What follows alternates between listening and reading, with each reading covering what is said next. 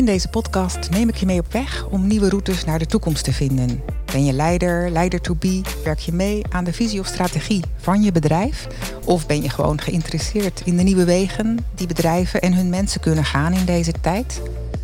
Luister dan mee, want niet veranderen is geen optie.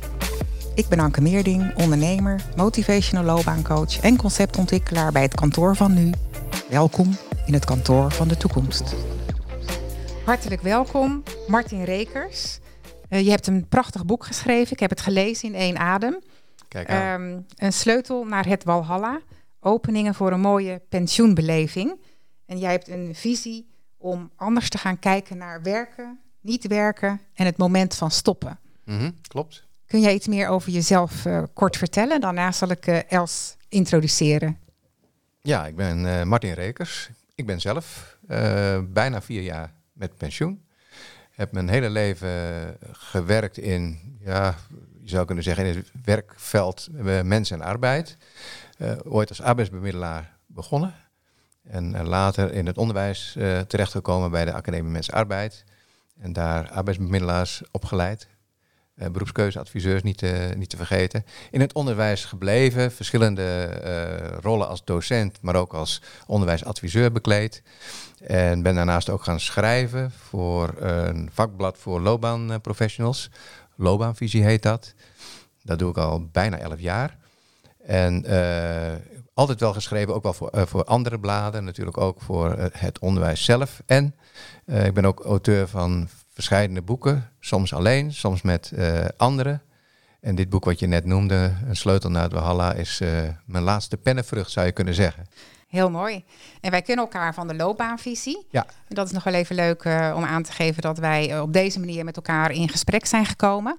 Omdat wij alle drie elkaar kennen van de loopbaanvisie. Ja, een blad voor coaches. Ja, precies. En welkom aan Els Akkerman. Zij is loopbaanadviseur, heeft gewerkt bij Phoenix Loopbaanbureau. En ze heeft een praktijk voor loopbaanadvies en coaching. Ze heeft ook twee boeken geschreven op uh, dit vakgebied, binnen dit vakgebied. Help, ik zoek mijn passie en loopbaanplanning. Els, is er nog iets meer wat je over jezelf wilt vertellen? Ja, ik heb natuurlijk heel lang het werk van loopbaanadviseur gedaan, maar ook allerlei andere dingen. Ik heb jarenlang lesgegeven, lesgegeven in het schrijven van columns en in autobiografisch schrijven. En ik heb voor wat toen nog het weekblad Intermediair was, heb ik ook jarenlang columns geschreven die te maken hadden met loopbaanbegeleiding en met de arbeidsmarkt.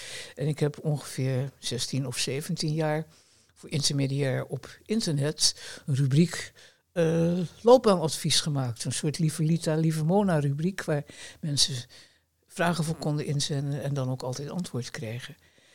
Dus ik heb een uh, lange carrière achter me. Heel mooi. Um, in deze podcast gaat het over innovatie, hè? ook voor het bedrijfsleven.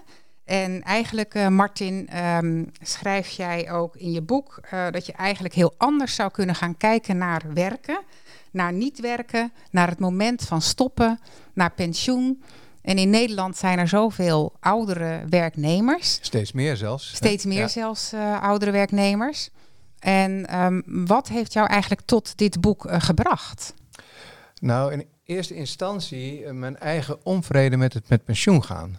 het is een, een moment in je leven dat je niet zelf uitkiest. Het valt gewoon samen met een datum. In mijn geval, ik werkte bij een hogeschool en kreeg gewoon een ontslagbrief thuis. Met een paar bolletjes, aangevinkt van ontslag wegens bereiken van de pensioengerechtigde leeftijd. En het tweede bolletje was eervol. En dat was het. Precies, maar het een onvrijwillige niet, keuze. Ja, het viel niet samen met iets wat ik zelf in mijn diepste zelf beleefde, zou je nee, kunnen precies. zeggen. Ja. ja, dus de keuze werd eigenlijk voor jou gemaakt. Hè, dat jouw werkzame leven uh, stopte. Ja. En uh, jij voelde daar eigenlijk um, een discrepantie tussen jezelf en, um, en die kunstmatige pensioenleeftijd. Ja, sterker nog, uh, mijn grootste klant is toch mijn oude werkgever gebleven. Dus daar ben ik gewoon weer ingevlogen, maar nu als zelfstandige. Ja. En dat is eigenlijk raar, want dat betekent, hè, ik, ik vraag daar niet om, ze vragen mij, dat er kennelijk nog behoefte is. En dat ze waarschijnlijk meer aan je betalen uh, als absoluut, dat ook absoluut. nog. Ja, ja, toch? Ja. Ja. Dus dat is eigenlijk is dat heel gek. Hè? Dus het komt gewoon door die formele datum. Ja. Die eigenlijk geen rekening houdt met uh, dat mensen die een bepaalde leeftijd hebben bereikt nog heel goed inzetbaar zouden kunnen zijn. En misschien ook zelfs nog beter eh, als je al eerder, een aantal jaren voor je met pensioen gaat, al rekening houdt met het feit dat dat gebeuren gaat en dat het misschien de moeite waard is om de kennis en vaardigheden die wat oudere medewerkers hebben, om die te laten delen met wat jongere medewerkers. Hè? Zodat je die kennis en vaardigheden behoudt en dat niet op de pensioendatum niet alleen maar een medewerker wegloopt bij je bedrijf, maar ook nog eens een keer iemand met heel veel kennis en ervaring. Precies. Ja. Mag ik even iets vragen? Had jij zelf, Martin, had jij zelf van tevoren nagedacht over, oh nou ben ik bijna 65 en wat ga ik dan doen? Of ben je daar toen helemaal niet mee bezig geweest? Ja, ik was er eh, wel mee bezig, maar eigenlijk vind ik zelf achteraf gezien te laat. Uh, ineens uh, bekroop mij het gevoel, ongeveer een, een, jaar voordat ik met pensioen ging, van oh jee, volgend jaar is het zover wat, wat, ga ik dan eigenlijk doen? En ik merkte dat ik, uh, en dat zat me dwars, dat ik ondanks mijn kennis en ervaring op het gebied van loopbanen, en dat ik rationeel heel goed wist wat eigenlijk zou moeten, toch niet goed wist wat ik na mijn pensioen zou gaan doen. En wat er dan nog van mij overbleef, zou je bijna kunnen zeggen. Dat klinkt heel dramatisch, maar zo voelde het wel een beetje. Ja, eigenlijk je professionele identiteit. Wat, ja, zo of, zou je dat kunnen of zeggen. je hele identiteit, wat daarvan overbleef. Ja, natuurlijk, ik, ik ben meer dan, uh, meer dan mijn werk. Maar als je er goed over nadenkt, hoeveel meer ben ik eigenlijk dan mijn werk? Want een heleboel betekenis die je hebt in de samenleving, die ik heb in de samenleving, laat ik het bij mezelf houden, had toch ook een relatie met wat ik deed. Zelfs mijn hobby's hadden een relatie met mijn werk. Maar het heeft natuurlijk twee kanten. Hè? Het is de kant van, uh, laat ik zeggen, de werknemer en de kant van de werkgever. En ik kan me ook voorstellen dat een werkgever op een bepaald moment denkt van nou, uh, naast Martin staat een andere meneer of een mevrouw die uh, eigenlijk op die functie zit te wachten. Hè? Van we moeten die oude mensen moeten we ook maar eens een keer kwijt. Terwijl de, de werknemer zelf denkt van nou, ik zou nog best een tijdje door willen gaan. Dus hoe doe je dat nou met die twee kanten? Nou, ik vond dat. Uh, uh, ik heb een van mijn geïnterviewden in het boek, dat weten de luisteraars nu nog niet, maar uh, heb ik twintig pensionados geïnterviewd. Eén daarvan is een verkeersvlieger geweest. Mm -hmm. En die gaan eigenlijk al vrij vroeg met pensioen. 56, 58, mm -hmm. in, die, in die orde van grootte. Ja. En dan is het ineens afgelopen. En de meneer die ik interviewde, vond het eigenlijk het einde van zijn jongensdroom. Maar wat wel bij de KLM gebeurt, is dat uh, vliegers maken allemaal uh, ja, situaties mee waarbij ze door het oog van de naald zijn gekropen. En, dat is moeilijk bespreekbaar te maken binnen zo'n organisatie, omdat je dan al gauw denkt van, nou, is deze persoon nog wel stabiel genoeg om een vliegtuig te besturen? Uh, wat hij deed, hij had gesprekken dus met vliegers die uh, dat soort ervaringen hadden, om die ervaringen te kunnen delen. En zo werd zijn kennis en ervaring toch nog heel nuttig ingezet, vond ik. Dus dat vond ik een mooi voorbeeld. Hè? Dus dat je misschien heel specifiek, maar op zo'n manier toch heel goed je kennis en ervaring nog uh, kunt gebruiken voor, voor, voor jongeren. Maar dat, dat ging dan, neem ik aan, van die vliegers zelf uit. Hè? Maar wat zou je nou kunnen doen om te zorgen dat ook de werkgevers daar toch meer aandacht voor hebben? Dat ze niet alleen maar denken van, oh meneer of mevrouw X is nu 65 of 67 jaar, die heeft aan de beurt om weg te gaan. Maar dat ze, dat ze zelf ook meer, nou, laat ik maar zeggen, creatief gaan nadenken van wat zou nou ook goed zijn voor onze onderneming, ja. wat deze meneer of mevrouw betreft.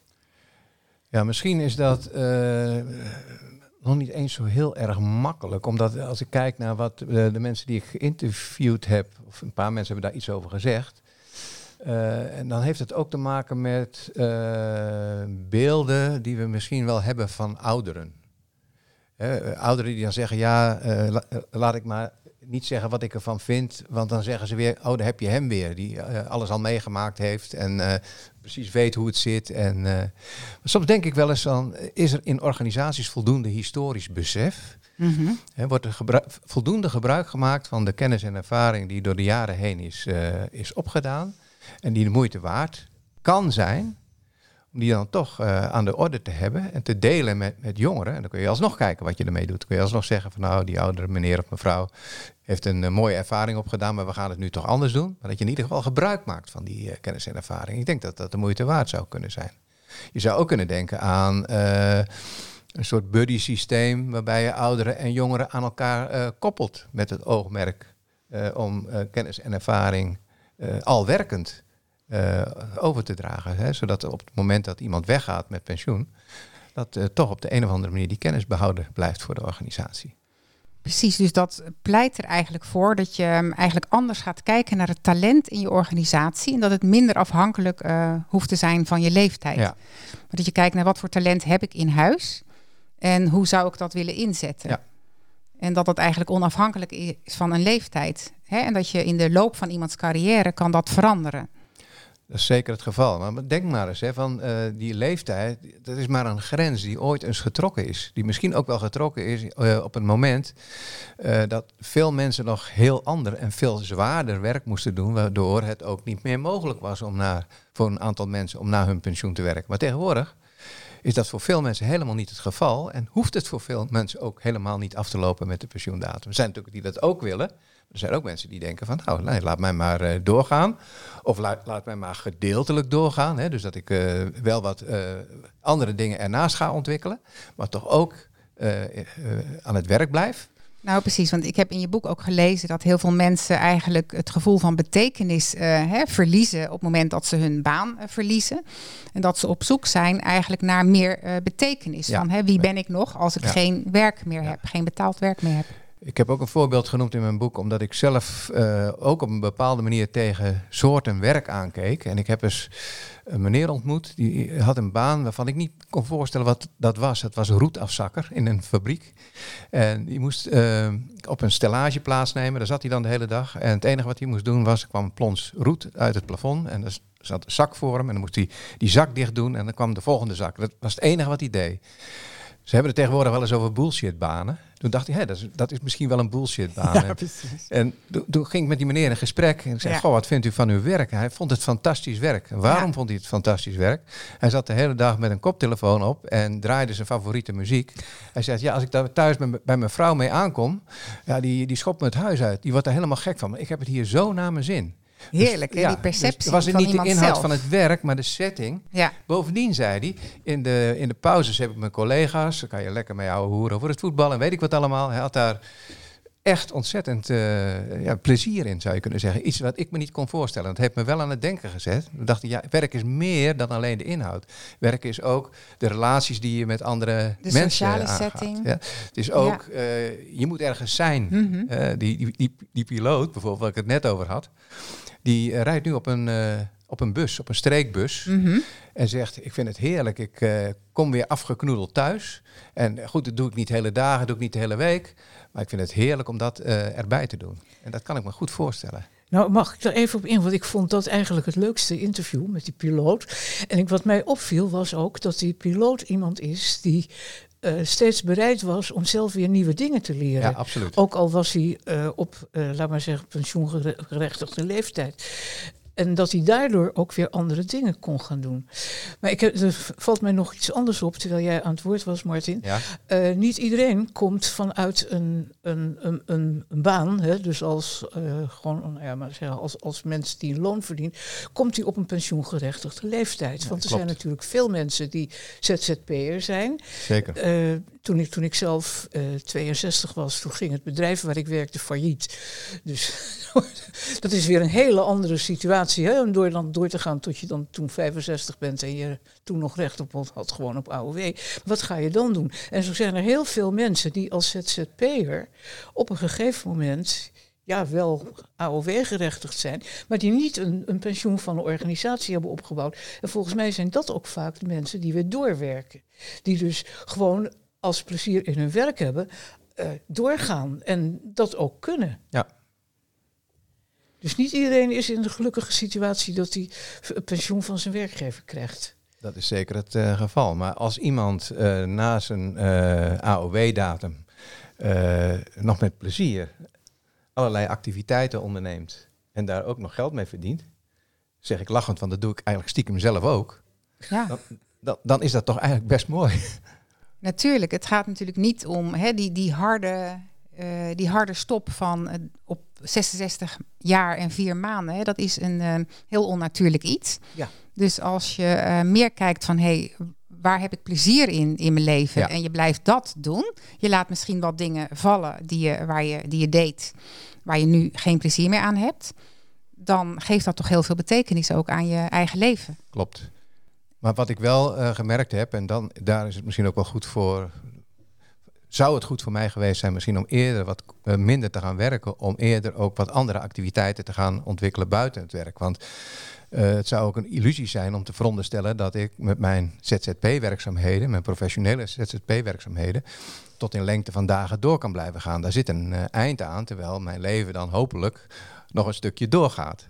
Dus ook voor die periode vind ik, moet ik wel wat hebben. Dus ik ben wel dingen aan het ontwikkelen. Ja, dus jij pleit echt voor anders kijken naar werken, maar ook anders kijken naar niet werken. En, en dat misschien um, wij um, het werken wel op een te hoog voetstuk, op een groot voetstuk hebben staan. Um, en dat uh, uh, eerder stukjes niet werken, uh, stukje van je werk loslaten en ook andere activiteiten ja. ontwikkelen, dat je daar misschien meer maatschappelijke waardering voor zou willen.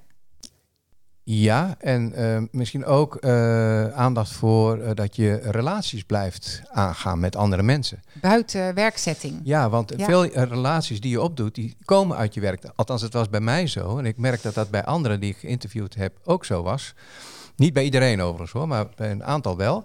En ja, die vallen dan ineens weg. Zoals iemand tegen me zei, ja, ik ontdekte toen ik met pensioen was... dat eigenlijk alle, alle relaties die wij hebben, onze vriendenkring dat die eigenlijk van mijn vrouw afkomstig zijn, niet van mij. En dat, uh, dat is wel een uh, bijzondere ontdekking, vind ik dan.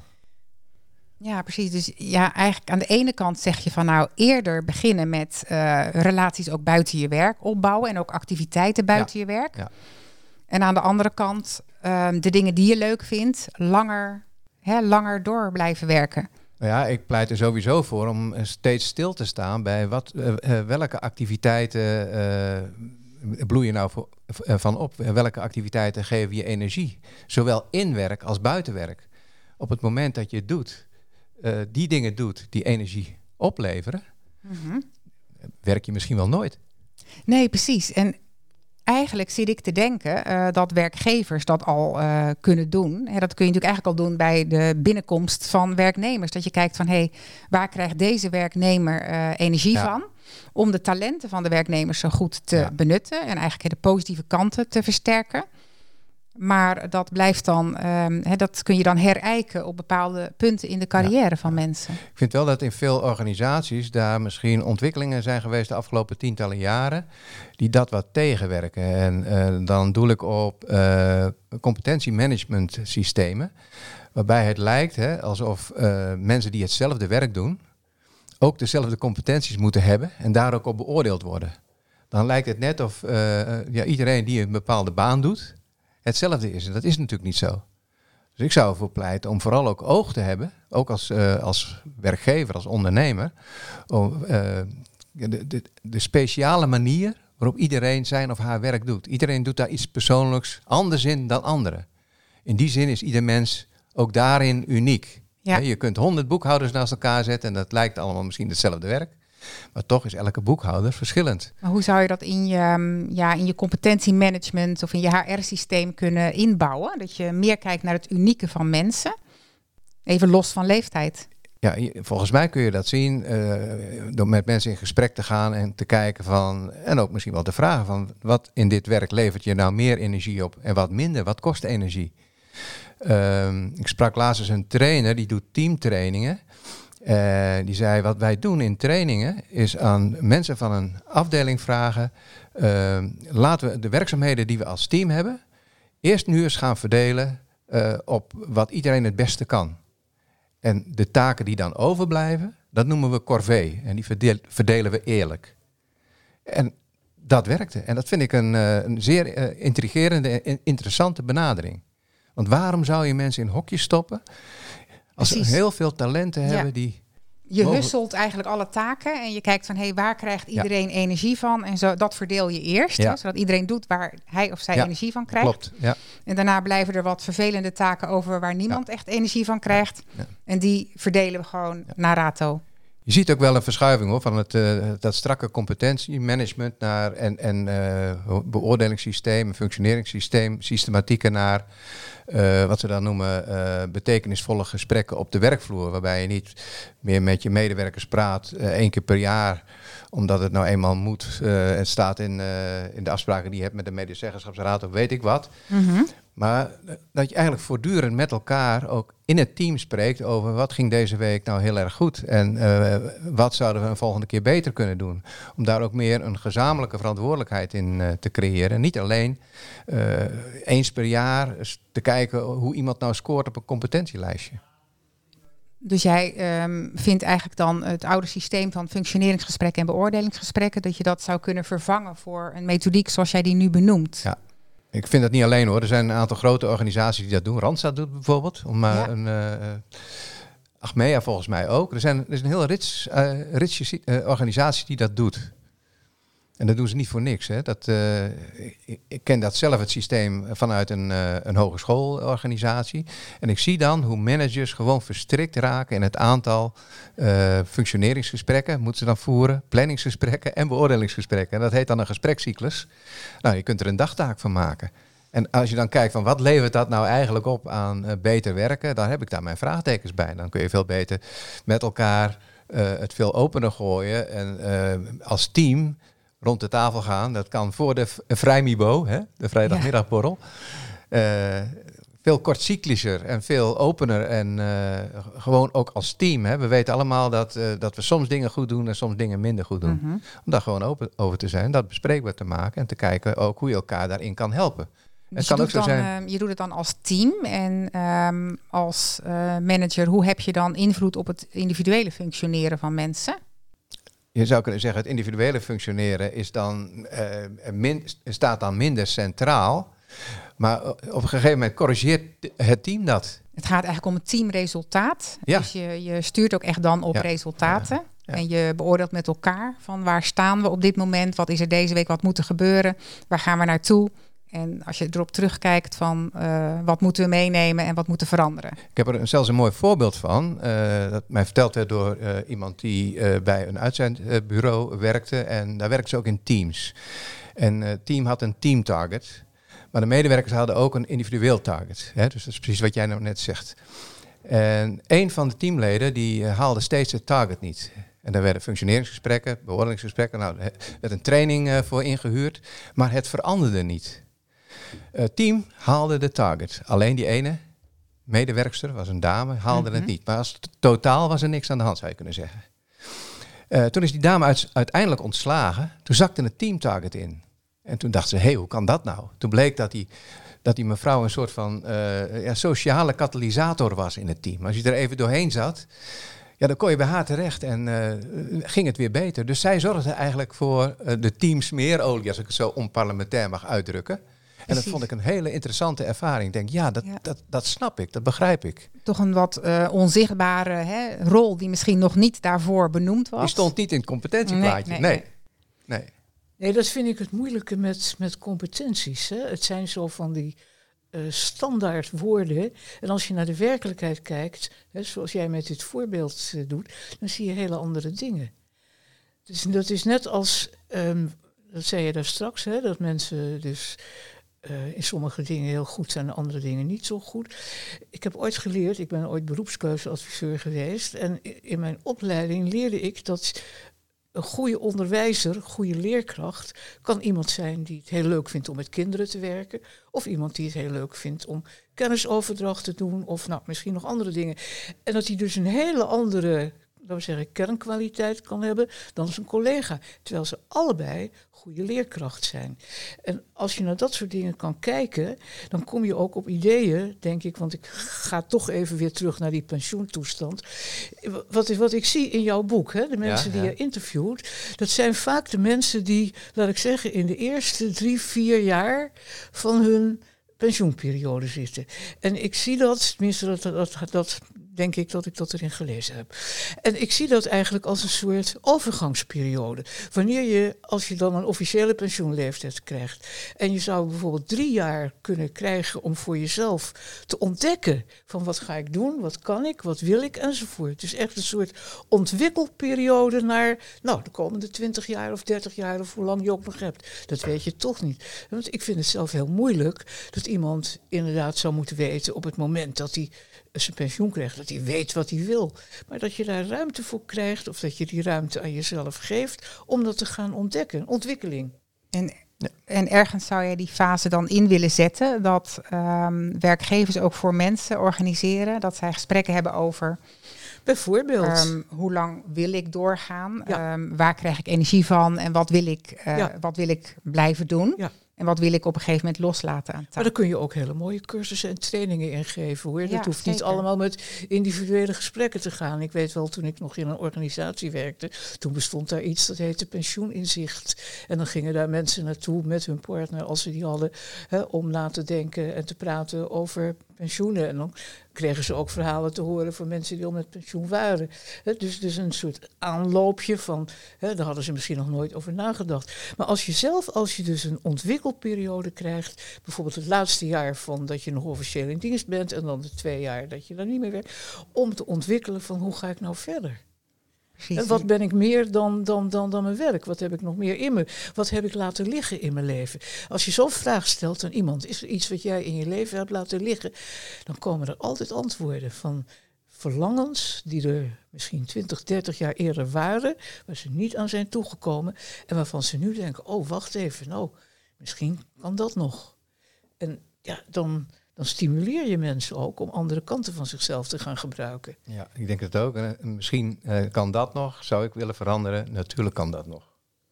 Je, dus je, bent nooit te oud om aan iets te beginnen.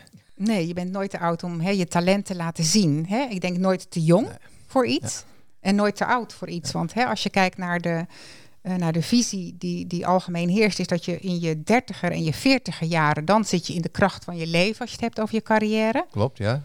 En uh, daarvoor ben je nog uh, te jong hè, en heb je nog niet de juiste ervaring. En uh, vanaf je vijfde word je al wat ouder en heb je misschien te veel ervaring of ben je niet meer zo flexibel. Hè? Er zijn er ook wat maatschappelijke vooroordelen.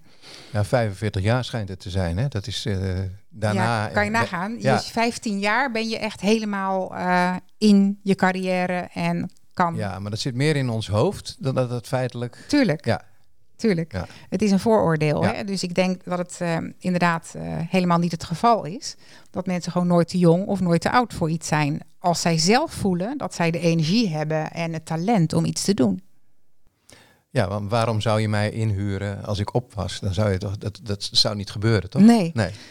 Dus het gaat uiteindelijk om talent van mensen. Het gaat om ja. talent, inderdaad. En uh, ik denk ook dat op het moment, zoals Els zegt, hè, als je daar al voor je pensioen als medewerker mee begint, misschien wel gestimuleerd door je werkgever om daar al uh, gedachten aan te wijden, dat je ook een wenkend perspectief voor jezelf creëert, waardoor je veel gemakkelijker naar uh, dat ouder worden toe groeit ja. dan wanneer je dat niet doet. Er is trouwens ook onderzoek hè, waaruit blijkt dat mensen die zich voorbereiden op het ouder worden, dat gelukkiger realiseren dan mensen die het zich helemaal niet uh, helemaal geen rekenschap daarvan geven. Nee, ik vind die vraag die Els ook stelt van wat heb je in je leven laten liggen, ja, ja. dat vind ik een hele mooie vraag. Hè? Dat is een prachtige vraag.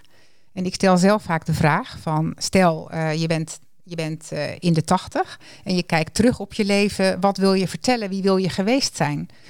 En dat gaat dan voor mensen die halverwege hun carrière zijn en om dan nog te kunnen denken van hé, hey, als ik die persoon geweest wil zijn, zit ik dan op dit moment in de goede richting? Ja. Ben ik dan bezig met de goede dingen? Ik kreeg nog net een andere vraag van een coach die ik had. Die zei van, uh, wat zeggen mensen over je bij je uitvaart? Ja, ja precies. ja. ja, ja, ja. ja. En je ik kan zei, ook... nou, dat hoor ik toch niet. Maar ik vond het wel een intrigerende ja. Nou ja, dat, dat, dat, is ja. ook een, uh, een mogelijke opdracht dat je je eigen grafrede schrijft. Oh ja, ja, ja. ja, of wat staat er op je grafsteen? Ja, dat is ook zo'n vraag. Ja. Precies. Um, wat zou je eigenlijk voor effect willen hebben met je boek? Met het boek Een sleutel naar het Walhalla. Wat zou jij hiermee, wat voor effect beoog je hiermee? Nou, het is een sleutel. Hè. Uh, de uitgever vroeg, uh, moet het niet de sleutel zijn? Ik zei nee, want het is een sleutel. Het is een manier van ja. kijken naar. En Walhalla uh -huh. is dan de, de pensioenperiode. Hè. Uh, eigenlijk is dat boek, ik heb het zelf uitgedrukt als op verschillende manieren in voetbaltermen. Want ik probeer voorzetten te geven. En ik probeer de lezer uit te nodigen, te stimuleren, te verleiden tot het inkoppen in het eigen doel. Dus af en toe zul je merken dat een voorzet niet helemaal past of net iets te hoog is. En andere zijn weer net raak. De bedoeling is om anderen te inspireren. Niet om de, te, te, zeggen van zus en zo moet het. Want ik denk dat iedereen daar zijn eigen weg voor zal kiezen en vinden. Maar je kunt wel mensen voorzetten geven. En er zitten een aantal strategieën in het boek, een aantal aanpakken die je zou kunnen gebruiken. En die aanpakken zie ik als uh, kleuren verf op een schilderspalet. Als een schilder aan de slag gaat, dan uh, kan die kiezen van welke kleuren zal ik nou eens gebruiken. En soms zal die dingen proberen op een kladje. En soms zal hij al een, schets maken. En later vult hij dat dan helemaal in. Nou, het maken van kladjes, het een beetje spelen met gedachten die, die, uh, die mogelijk zouden kunnen zijn. Uh, daar wil ik mensen toe inspireren. En ook om echt en zonder enige reserve toe te geven aan wat is nu eigenlijk mijn ultieme droom in het leven. Niet vanuit de gedachte van, ja, dat kan toch niet, juist niet. Maar juist die droom onder ogen te zien en vanuit die droom te kijken wat wel mogelijk is. Als je begint bij onmogelijkheden, dan zijn er veel minder dingen mogelijk dan wanneer je begint bij je droom. En dan uiteindelijk natuurlijk weer met de benen op de grond moet om te kijken wat realistisch is. Maar wel moet je eerst die droom en als een genantheid zou ik bijna zeggen, dat, dat voelde ik af en toe wel, onder ogen zien. Precies, dat sluit misschien aan wel op wat Els net opwerpt over. Wat hè, heb je laten liggen? Wat heb je laten ja, liggen? Precies, dat is voor mij die droom. Vaak is dat je Ja, droom. Ja. Nou, ik vind trouwens dat er in jouw boek, er staan hele leuke oefeningen in.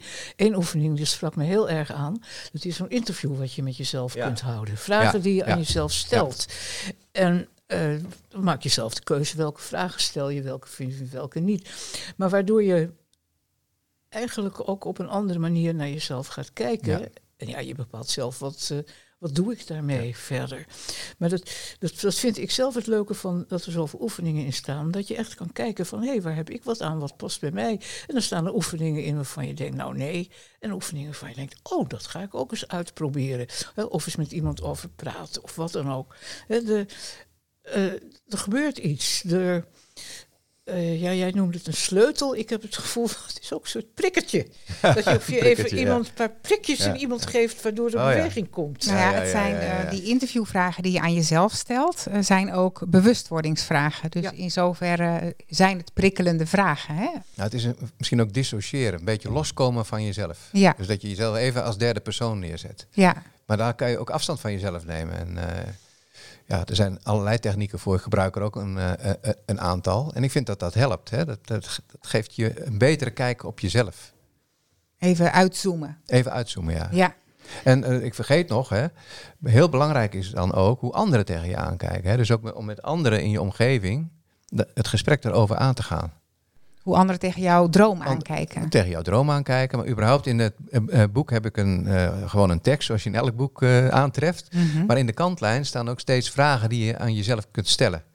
Dus vragen die je aanspreekt, dan kun je, over, ja, kun je kijken of, ik daar, of je daar een antwoord op hebt. Met één voorwaarde, je mag nooit gaan piekeren.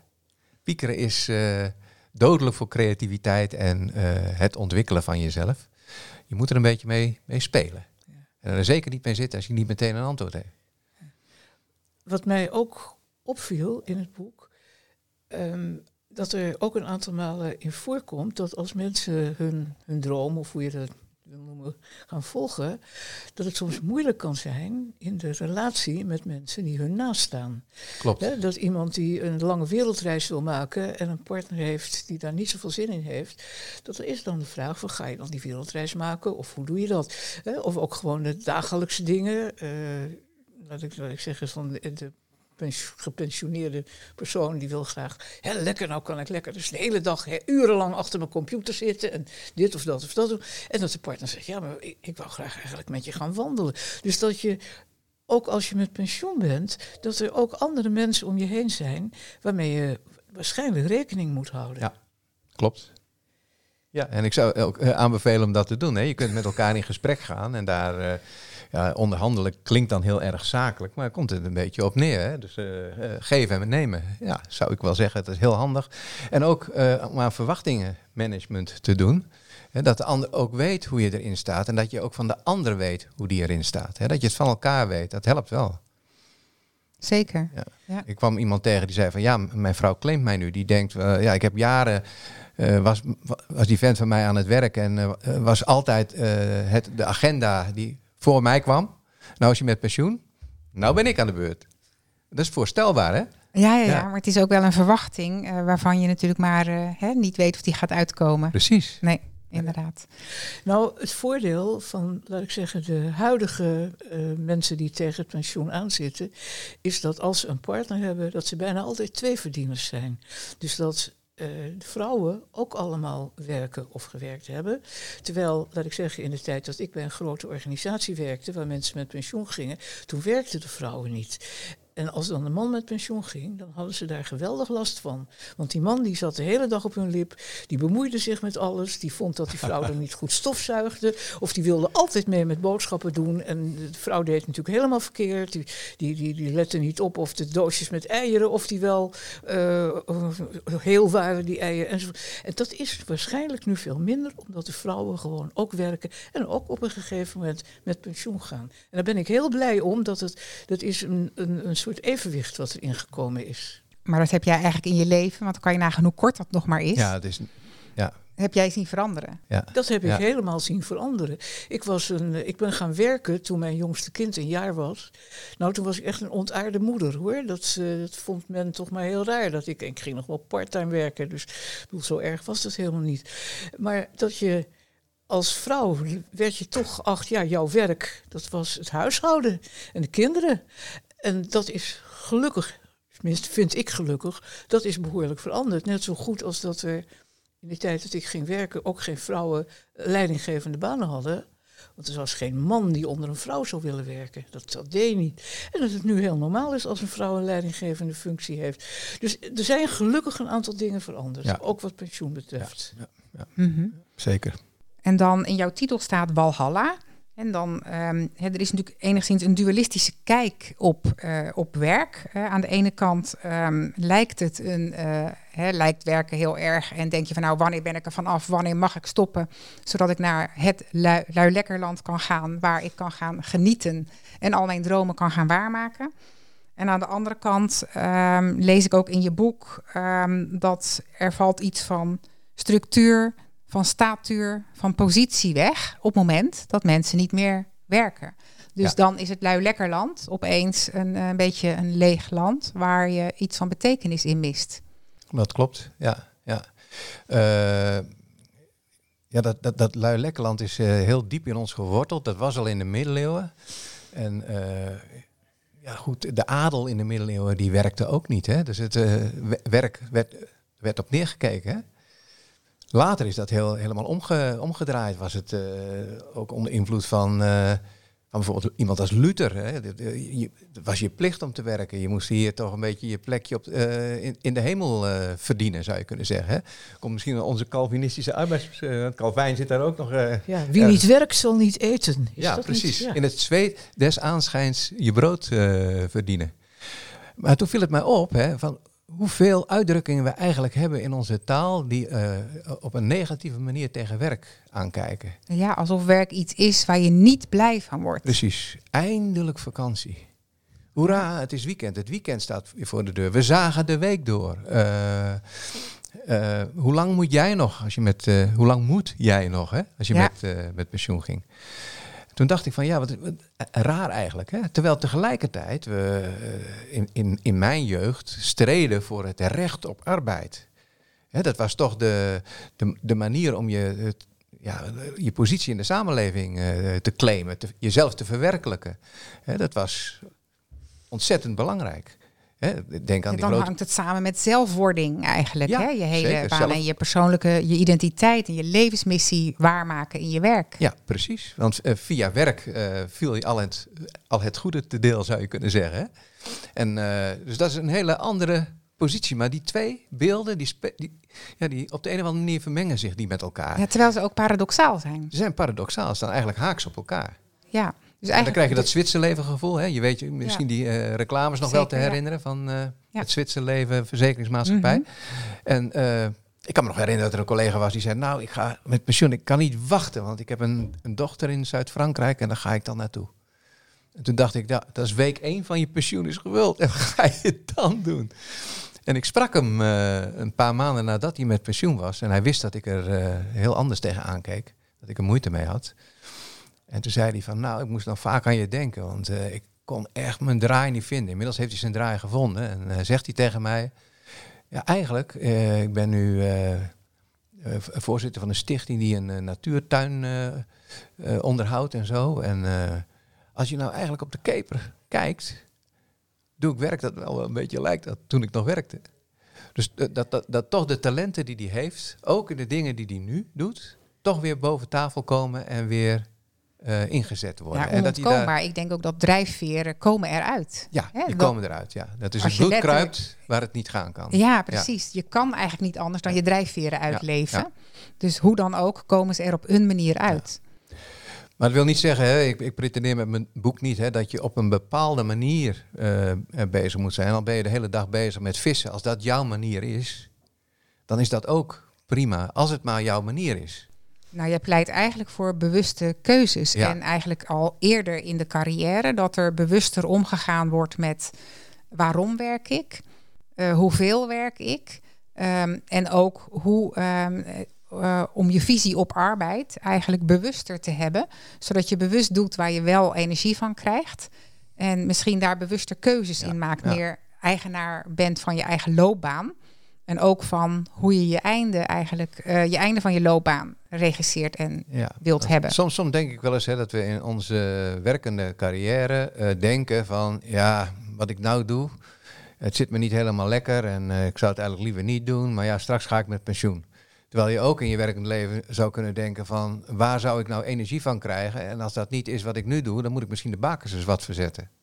Het hoeft niet altijd een wezenlijke verandering van werk te zijn. Soms kan het ook een wat herschikking van een takenpakket inhouden. Zoals ik daarnet met dat teamvoorbeeld gaf. Hè. Ja. Die mensen werden na die, die herverdeling van die taken in dat team gewoon gelukkiger in hun werk. Ja. En er zijn echt niet altijd ontzettend ingrijpende veranderingen voor nodig. Nee, ik vind dat een hele mooie werkwijze.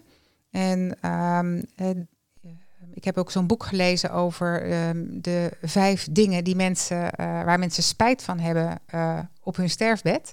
En dat is als ze niet uh, gedaan hebben wat ze eigenlijk hadden willen doen. Ja, dat is er één. Dat zijn de andere, want nou word ik nieuwsgierig. Ja, die mag je, ik zal je dat boek oh, okay. een keer toesturen. Maar, want dat vind ik eigenlijk de meest aansprekende ook tegelijk. Ja. En dat sluit aan op op wat jij schrijft in je boek. Ja, Ab Verbrugge en collega's die uh, een boek geschreven dat heet uh, Het Goede Leven en de Vrije Markt. Mm -hmm. En uh, ze zeggen eigenlijk er zijn vijf elementen die je in elk mensenleven onontkoombaar tegenkomt en die een belangrijke rol spelen. Dat is een relatie, dat is je lichaam, dat is de natuur uh, dat zijn de instituties die regelen dat we met elkaar kunnen samenleven. En dat is als vijfde zin. En zin gaat dan over uh, betekenisgeving. Dus wat die betekenis ook is, maar een, een betekenisgeving moet sprake van zijn. En daar gaat uiteindelijk jouw boek over, boek over betekenisgeving. Over, ja. Ja. En dat je daar bewust van bent en daar bewuste keuzes in maakt. En uh, dat werkgevers daar ook een rol in kunnen spelen. Absoluut. Om mensen te faciliteren in, in trainingen of in persoonlijke gesprekken. Om, ja, bij uh, faciliteren denk ik alweer, wat, wat gaat dat kosten? Ik denk, uh, ik, ik, zou het ook willen hebben in termen van opleveren. Ja. Het, het, het, levert op op het moment dat mensen in alle fasen van hun werkzaam leven zoveel mogelijk in hun energie kunnen werken. En dan kun je als werkgever in bijdragen. Maar heeft natuurlijk ook de werknemer een rol in. Maar daar kun je als werkgever zeker in bijdragen. Door daar oog voor te hebben. En daar ook natuurlijk instrumenten op in te zetten die dat uh, gemakkelijker maken. En dan denk ik dat, uh, dat ook uiteindelijk zich dat terugbetaalt in arbeidsproductiviteit. Nou, ik um, ben het daar helemaal mee eens. En um, ik wil jullie eigenlijk heel erg bedanken voor dit gesprek. Dank je wel voor deze mooie woorden. Um, en het boek Een sleutel naar het Walhalla. Um, waar kunnen mensen dat uh, kopen? Ja, eigenlijk bij eh, elke boekhandel of online bij de bekende bol.coms en managementboek en weet ik het allemaal, de Bruna's. Ik moet geen sluikreclame plegen natuurlijk, maar gewoon via de normale kanalen uh, waar je een boek kun je het bestellen. Precies, en het is nog maar helemaal net uit. Het is echt net uit, ja. Het is zelfs zo net uit dat ik het zelf nog niet heb. Precies. nou, nou ik weet wel iemand aan wie ik het ga aanraden. Mag ik vragen waarom je het wil aanraden? Nou, dat is iemand waar ik een tijdje geleden mee gepraat heb. Is geen cliënt geworden. En iemand die tegen haar pensioen aanzat en die eigenlijk niet zo goed wist wat ze zou gaan doen. En toen ik van jouw boek hoorde, dacht ik, dat moet zij hebben. Dat is precies wat ze nodig heeft. Nou, kijk, dat hoor ik graag natuurlijk. Als, uh, dat zou ook mijn oprechte wens zijn, hè, dat het een, uh, een ja, inspirerende werking heeft op mensen die uh, in die levensfase zitten. Misschien zelfs ook wel jonger hoor, want ik denk dat er ook wel uh, oefeningen in zitten die je ook kunt gebruiken als je jonger bent. Nou, die je ook gewoon kunt gebruiken in loopbaanbegeleiding. want er zit een oefening in waarvan ik meteen dacht, oh, dat kan ik ook gebruiken gewoon in begeleiding van iemand. Dus het kan. Ja, ja. dat lijkt mij ook. Dus uh, heel mooi. Juist buiten de gebaande paden vind je de mogelijkheden voor innovatie op de gebaande paden moeten we ons zo aanpassen. Ik voel me daar niet zo bij op mijn gemak. We zijn gewoon te uniek en er zijn unieke paden buiten de gebaande paden die ons veel meer maatwerk leveren en die ons verbinden met de natuur en met elkaar. Ik denk dat innovatie de mensheid helpt unieke oplossingen te vinden. Als die positief worden ingezet en niet de natuur verwoesten, want dan, dat keert zich tegen ons en dat zie je nu gebeuren, en mensen helpt weer in verbinding te komen met elkaar, kunnen we bouwen aan een positieve toekomst. Je kunt groot denken en klein beginnen. Met deze podcast wil ik bedrijven en hun mensen inspireren groot te denken en handreikingen en stappenplannen geven om klein te beginnen. Innovatie hoeft gewoon niet moeilijk te zijn. Met deze podcast wil ik bedrijven in het midden- en kleinbedrijf innovatietips geven en mijn e-book, de Innovatie Toolbox, aanbieden. Met daarin een zeven stappenplan hoe je jouw medewerkers leert zelfstandig te innoveren. Zo leer je voorop te lopen in je markt en creëer je meer succes, groei en winst. Zo is innovatie niet alleen high-tech, maar ook goed voor mensen, water en groen. Door wendbaarder te worden, leren we omgaan met onzekerheden en vinden we nieuw perspectief. Zo is innovatie geen eenmalige actie, maar een duurzaam en integraal onderdeel van je bedrijfscultuur. Dat merken je medewerkers, maar dat zien ook je klanten. Zo ben je wendbaar en kunnen je bedrijf en je medewerkers flexibel meebewegen met de ontwikkelingen. Ik geef ze je cadeau. Download het e-book www.hetkantoorvannu innovatietoolbox. Innoveer en vergroot je bestaansrecht. Ik wens je voor nu een hele mooie dag. Dank voor vandaag en tot volgende week bij de gloednieuwe podcast van Kantoor van de Toekomst.